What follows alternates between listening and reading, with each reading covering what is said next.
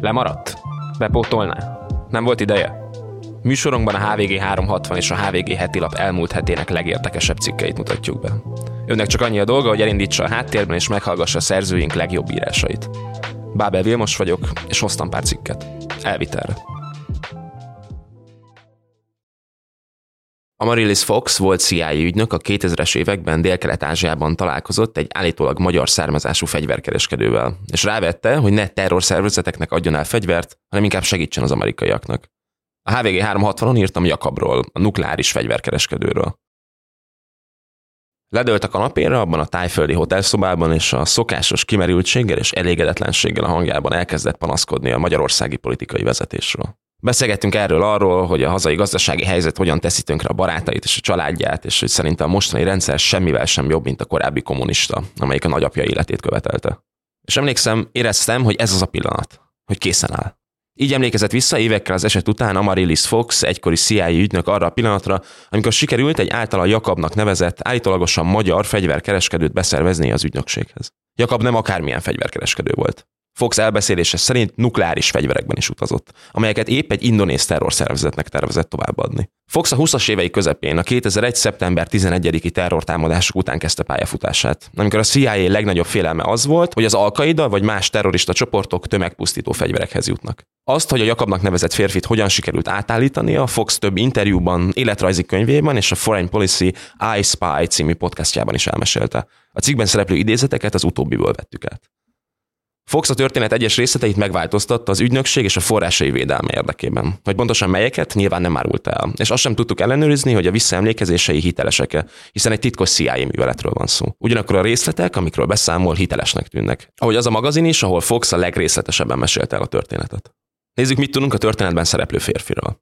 Jakab, akinek minden bizonyal nem ez az igazi neve, Fox elbeszélése szerint egy magyar származású fegyverkereskedő, aki feltételezhetően nem Magyarországon él, de van ott családja, barátai, a nagyapját pedig valamikor a hazai kommunista rezsim ölte meg. Mivel Fox nem írja le Jakabot sem idősnek, sem fiatalnak, feltételezhetjük, hogy középkorú volt, amikor megismerték egymást a 2000-es évek elején, vagyis valamikor az 1960-as vagy az 1970-es években született.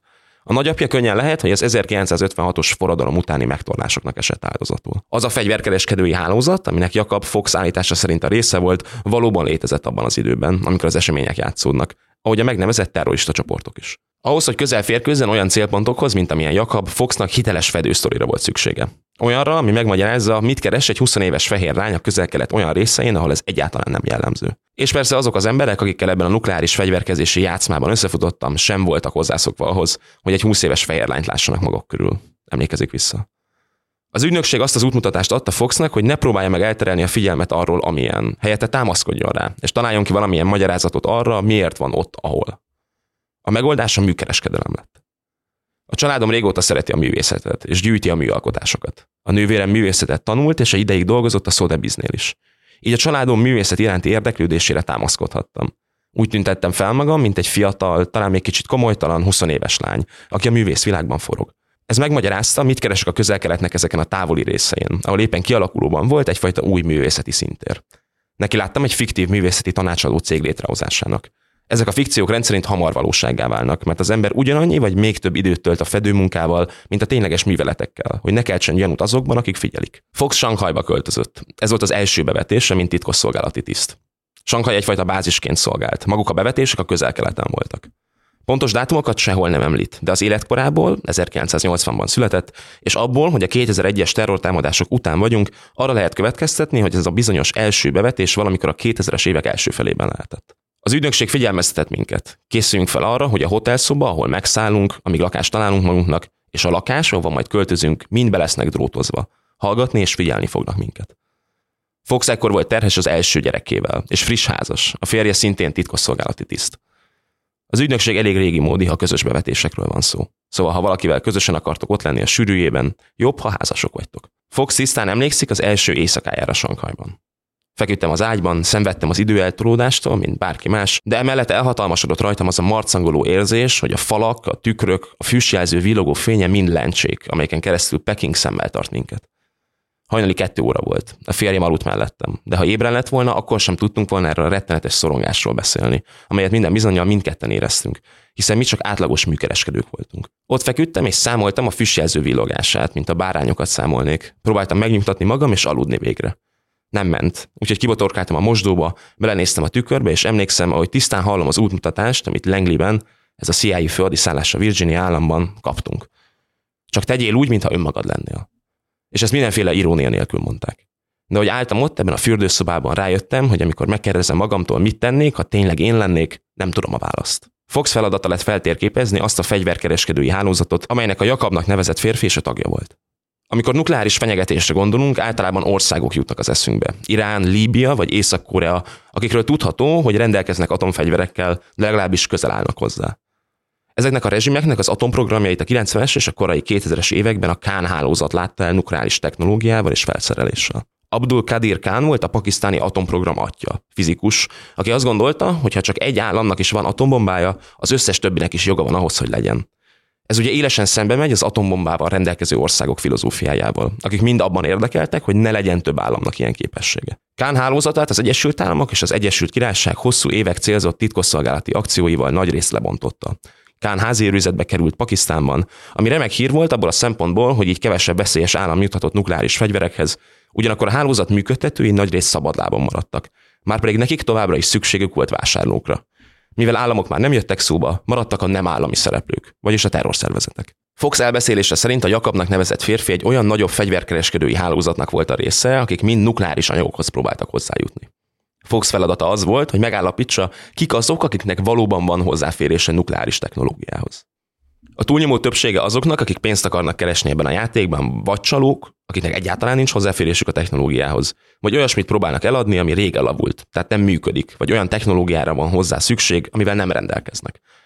Vagyis ki kellett szűrni, hogy ki az, aki ténylegesen hozzáfér olyan technológiához, ami veszélyt jelenthet, ha gazdát cserél. A hálózaton belül a mi információink szerint Jakab ebbe az utóbbi csoportba tartozott. Az első találkozót úgy sikerült leszervezniük, hogy egy másik terrorszervezetben lévő forrásuk kezeskedett Foxért, amitől úgy tűnt, mintha a megkeresés valódi terrorszervezethez köthető fegyvervásárlóktól jött volna. Az a vicces, hogy mielőtt valaha is láttam volna Jakabot, hallottam őt. Hallottam, hogy énekel. Franciaországban, Lyonban sétált néhány méterrel előttem, de csak hátulról láttam. Így előbb hallottam a hangját, mint hogy ténylegesen ki tudtam volna venni az arcvonásait. Egy magyar népdalt énekelt. Azt a fajta népdalt, ami nosztalgikus érzéseket kelt benned, még akkor is, ha nem vagy magyar, és fogalmat sincs, hogy mit jelent a szöveg. Nagyon szép volt, és nagyon bölcs, szinte ősinek hatott. Meg is lepődtem, mert a rövid levelezésünk során, amit a találkozó előtt folytattunk, Jakab egyáltalán nem tűnt ilyennek. Oda mentem hozzá, és tüzet kértem tőle. Emlékszem, hogy az öngyújtó megvilágította az arcát. Megdömmentem, mennyire nem illik a hangjához. Fizikailag egy ilyen szögletes, brutális férfi, a hangja pedig lélekkel teli. Az ismerettségünket végigkísérte ez a kettősség. Fox többször is hangsúlyozza, hogy a kapcsolat, majd a bizalom képítése egy lehetséges forrással a titkosszolgálati munka lényege. Óriási kihívás, de közben nagyon szép is lehet. A legelején kell találni valami közös alapot, valami közös érdeklődést, valami okot arra, hogy újra találkozzatok. Aztán, hogy telik az idő, nyilvánvalóvá válik, hogy a figura, akit megismersz, mindennek ellenére helyesen akar cselekedni. Jobb jövőt akar a közösségének, a családjának, gyakran a gyermekeinek. A kapcsolatépítés időszaka valójában ennek a szándéknak a keresése. Aztán, ha megtaláltad, az ápolása. Biztonságban kell érezze magát ahhoz, hogy kicsit megnyíljon. Fontos, hogy ez alatt az idő alatt elinduljon egyfajta sejtetés. Beszélsz arról, hogy vannak barátaid Washingtonban, vagy különleges csatornáid a kormányhoz, és hogy a megfelelő körülmények között, ha életek forognának kockán, segítségül tudod hívni ezeket a barátokat. Ez a lassú bizalomépítés addig folytatódik, amíg fel nem teszed a kérdést. Össze tudlak kötni az amerikai kormányzattal, hogy megakadályozzunk egy szörnyű terrortámadást. Mit mondasz? No már most ez nem egy olyan kérdés, amit a semmiből akarsz feltenni. Volt egy kiképzőm, aki az egészet egy lánykéréshez hasonlította. Amikor felteszed a kérdést a remélhetőleg leendő házastársadnak, azt akarod, hogy sejtse, mi következik. És azt is tudni akarod előre, hogy a válasza igen lesz. Vagy ideális esetben, hogy mi tartott ilyen sokáig. Amikor Fox eljutott a lánykérésig Jakabbal, már több hónapos terhes volt, amiről egyébként Jakab nem tudott. Azelőtt már sokszor beszéltek személyesen különböző helyszíneken, ezúttal tájföldre szervezték a találkozót. Nagyon fontos volt, hogy a találkozó jól menjen, mert Jakab korábban jelezte Foxnak, hogy a dél-kelet-ázsiai testvérek érdeklődnek nála, ami eufemizmus például az olyan csoportokra, mint a Jema Islamia, ami akkoriban az Al-Qaida indonéziai fiók szervezete volt. Ahogy Fox mondja, nem szeretnéd, hogy ezek a figurák hozzájussanak bármihez is, amit Jakab árult.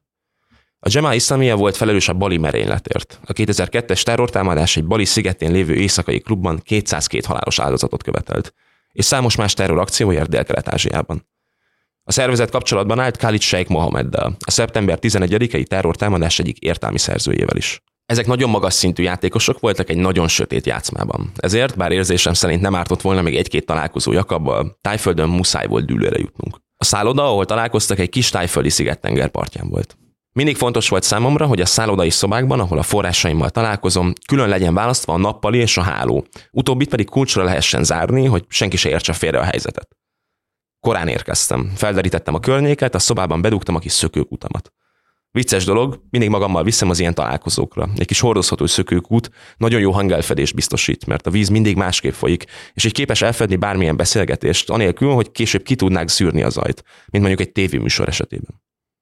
Ráadásul kellemes környezetet biztosít egy nyugodt beszélgetéshez. Foxnak jó megérzése volt a találkozóval kapcsolatban. Ahogy vártam rá a szállodai szobában, egyfelől rettentően ideges voltam, de közben furcsán nyugodt is, mert ismertem Jakabot. Milyen legbelül nagyon erősen éreztem, hogy Jakab önmaga jobb változata akar lenni. A nagyapja halálának emlékére egy bárányt ábrázoló gyűrűt viselt, valamikor a nagyapjáé volt.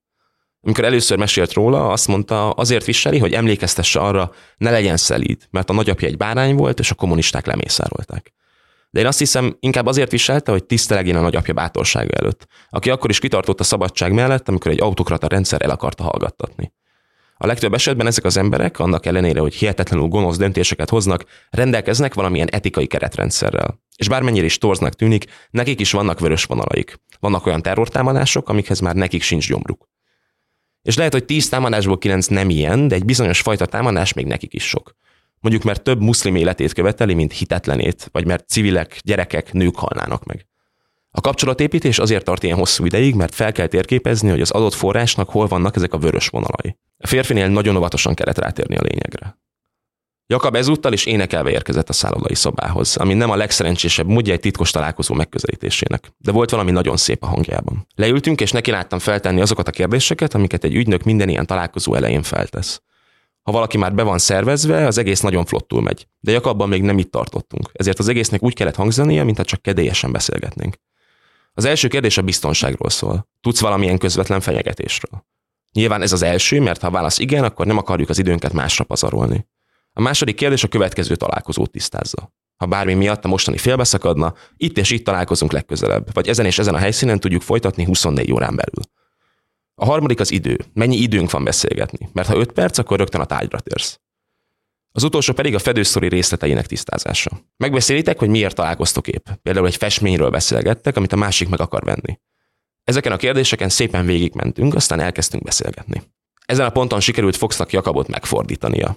Ekkor történt az, amit a cikk elején részletesen idéztünk. A férfi ledölt a kanapéra, beszélt a családjáról, a megölt nagyapjáról, panaszkodott a hazai politikai vezetésre, mire Fox érezte, hogy eljött a pillanat. Mondtam neki, tudod, ha valamelyik csoport, amelyiknek eladsz, felrobbantaná az egyik ilyen bombát, az mérhetetlen szenvedést okozna ezeknek a barátoknak és családtagoknak, akikről beszélsz. Erről azt mondta, hogy nem, hiszen nem vesznek részt ebben a háborúban, ezért nem is lenne semmilyen következménye a számukra. Én pedig lassan és óvatosan rámutattam, hogy egy ilyen tömegpusztító fegyver felrobbantása félelmet keltene mindenhol a világon. És ez a félelemmel teli környezet még több olyan autokratikus kormányzathoz vezetne, mint amilyen a nagyapját is meggyilkolta. Egy ponton azt mondta, bár csak lehetnék valamit ez ellen. Fox ekkor vallotta be, hogy a CIA-nak dolgozik. Beállt egy nagyon feszült szünet. Egyikünk sem mondott semmit néhány másodpercig. De mindketten tudtuk, hogy ez az a pillanat. Megkérdeztem tőle, hogy ha nem mi, akkor kik, és ha nem most, akkor mikor. Félt, de addigra hatalmas volt a bizalom kettőnk között. Határozottan emlékszem, hogy azt kérdezi, biztonságban leszek? Mit akarsz, mit tegyek? A CIA-nak dolgozol? Ez az a pillanat, amikor azt mondod, hogy igen, a CIA-nak dolgozom. Erő azt kérdezte, hogy le fogom-e tartóztatni. Én meg mondtam, hogy nem, hiszen régi barátok vagyunk. Különben is tudunk mi annál sokkal jobbat is. Együtt dolgozhatunk azon, hogy megváltoztassuk a történelmet, hogy megakadályozzunk egy katasztrofális terrortámadást. Azt hiszem, láttam az igent a szemében, mielőtt kimondta volna.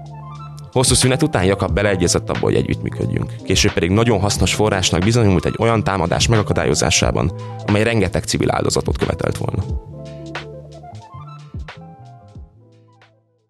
Az államok és a nagyvállalatok árnyékában úgy tűnhet, a fenntarthatóságért tehetek akármit, úgysem rajtam múlik. De mi lenne, ha nem törődnénk ebbe bele? Én Fajt Federika vagyok, és a következő hónapokban abban fogok segíteni, hogyan változtasd a szorongást tudatos cselekvésé. A műsorok első felében aktuális híreket, filmeket, könyveket, programokat mutatunk be, amelyek közelebb hozzák hozzád a fenntartható életmódot. Ezt követően inspiráló emberekkel fogok beszélgetni, akik példamutatóan tesznek az élhetőbb jelenért és jövőért, és akiktől bátran tanulhattok ti is. Ha pedig ez sikerült, minden alkalommal kaptok házi feladatot is. Az adások végén egy-egy tippel, tanácssal látlak el titeket, hogyha nem is feketeöves, de legalább zöldöves környezetvédők lehessetek az évad végére. Ez az Ékaszt, a HVG fenntarthatósági podcastja. Iratkozz fel, és találkozzunk két hetente.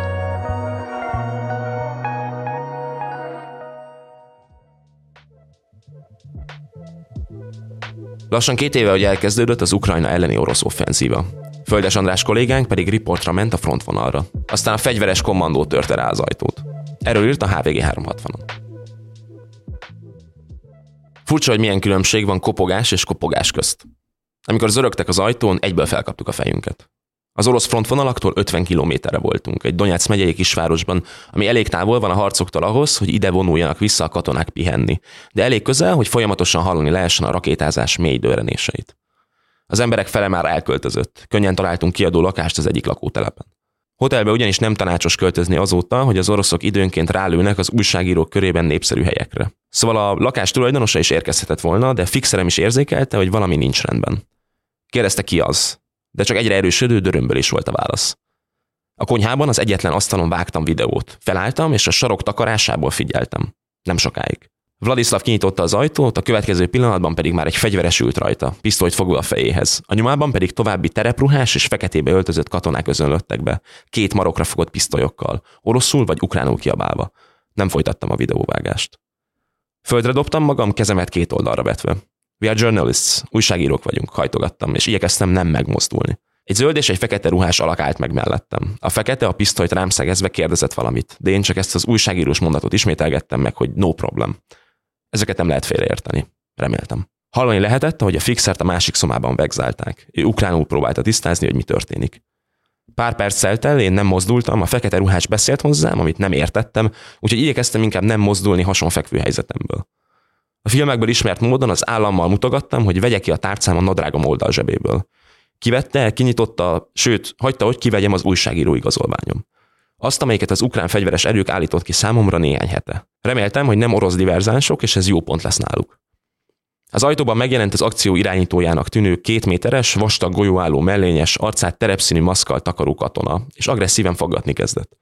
Őt is biztosítottam, hogy I'm a journalist. Végül behozták a konyhába a fixert, aki sértetlen volt. Mint később kiderült, a másik szomában csak lögdösték, leszorították, és folyamatosan magyarázott. Sőt, hagyták, hogy fordítson nekem.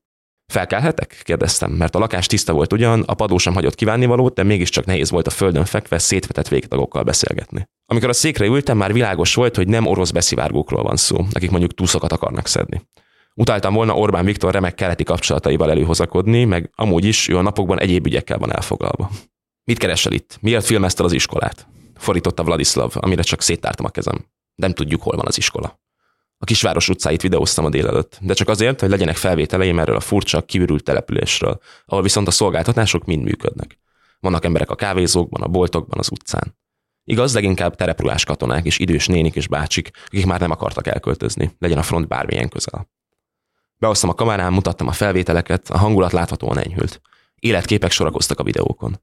Miért álltam ki a lakás ablakába filmezni? Firtatták még, amire az igazságos hülyen elmondtam, hogy a közeli robbanások hangját rögzítettem. Végül megengedték, hogy segítőm telefonáljon. Felhívta a tisztelt, akivel alig fél órával korábban egyeztettünk küldetésünkről. Kora este az ő kíséretükben indulunk majd a frontvonalra. Már a széken ültem, intettem az egyik katonának, hogy nyugodtan foglaljon helyet. Megfordult a fejemben, hogy amíg ők egyezkednek, csinálok mindenkinek egy teát. Egy forró tea tudja igazán oldani a stresszt.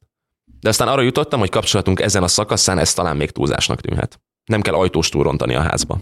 Jónak mondom persze. A szűk lakótelepi konyhában álló kommandónak a korábbi videóimat mutattam meg inkább. Az ukránok által visszafoglalt városokban forgatok, ukrán tisztekkel interjúzom, az ukránok helyzetéről magyarázok. Már minden oldalról egyértelmű volt, hogy sem én nem vagyok oroszkém, sem ők diverzánsok. A határ közelében érthető a hatóságok óvatossága. Az oroszok ügynökök segítségével gyűjtik a célpontok koordinátáit. A lakók közt elvegyülő kémeik derítik fel, hol vannak olyan létesítmények, amelyekre csapást mérhetnek. Persze az ilyen ügynökök nem naív tekintettel kamerát lengetve dolgoznak, de ez már más kérdés. Korábbi riportjaimon is előfordult már, hogy az ukrán szolgálatok embereinek kellett magyaráznom a tevékenységem. Igaz, ezt eddig csak egyszer kellett fegyverrel a halántékomon tennem. A háború legelső napján akkori kollégámmal, Danival próbáltuk gyorsan megmagyarázni, hogy mi tényleg azok vagyunk, akiknek látszunk. A konyhában olyan gyorsan oldódott a hangulat, hogy már csak azt konstatáltam, hogy a fekete ruhás tiszt megfogja a kezem, magához ránt, és a hátamat veregetve megölel. András, sorry. Sorban kezet ráztunk, mint a régi bajtársakkal szokás. Az ajtóban állva integettünk nekik, arról biztosítva őket, hogy nincs harag, csak a munkájukat végezték. Megkönnyebbülten zártam be az ajtót, majd levettem a néhány órája felhúzott tiszta pólóm. Nincs sok tartalék, de ezt most cserélni kell. Riportjaink hamarosan folytatódnak, a frontvonal biztonsági és kommunikációs lehetőségeinek függvényében. Ezeket a cikkeket hoztam ezen a héten elvitelre. A HVG heti labban és a HVG 360-on viszont leginkább a kegyelem botrányjal. Azon belül Novák Katalin, Varga Judit, Balogh Zoltán és Orbán Viktor szerepével foglalkoztunk részletesen. Ha kíváncsi exkluzív információinkra, elemzéseinkre, kommentárjainkra és a HVG más témájú tartalmaira is, iratkozzon fel a HVG 360-ra. Az első hónapban csupán 360 forintért. Én Bábel Vilmos vagyok, jövő héten újra találkozunk. Viszont hallásra!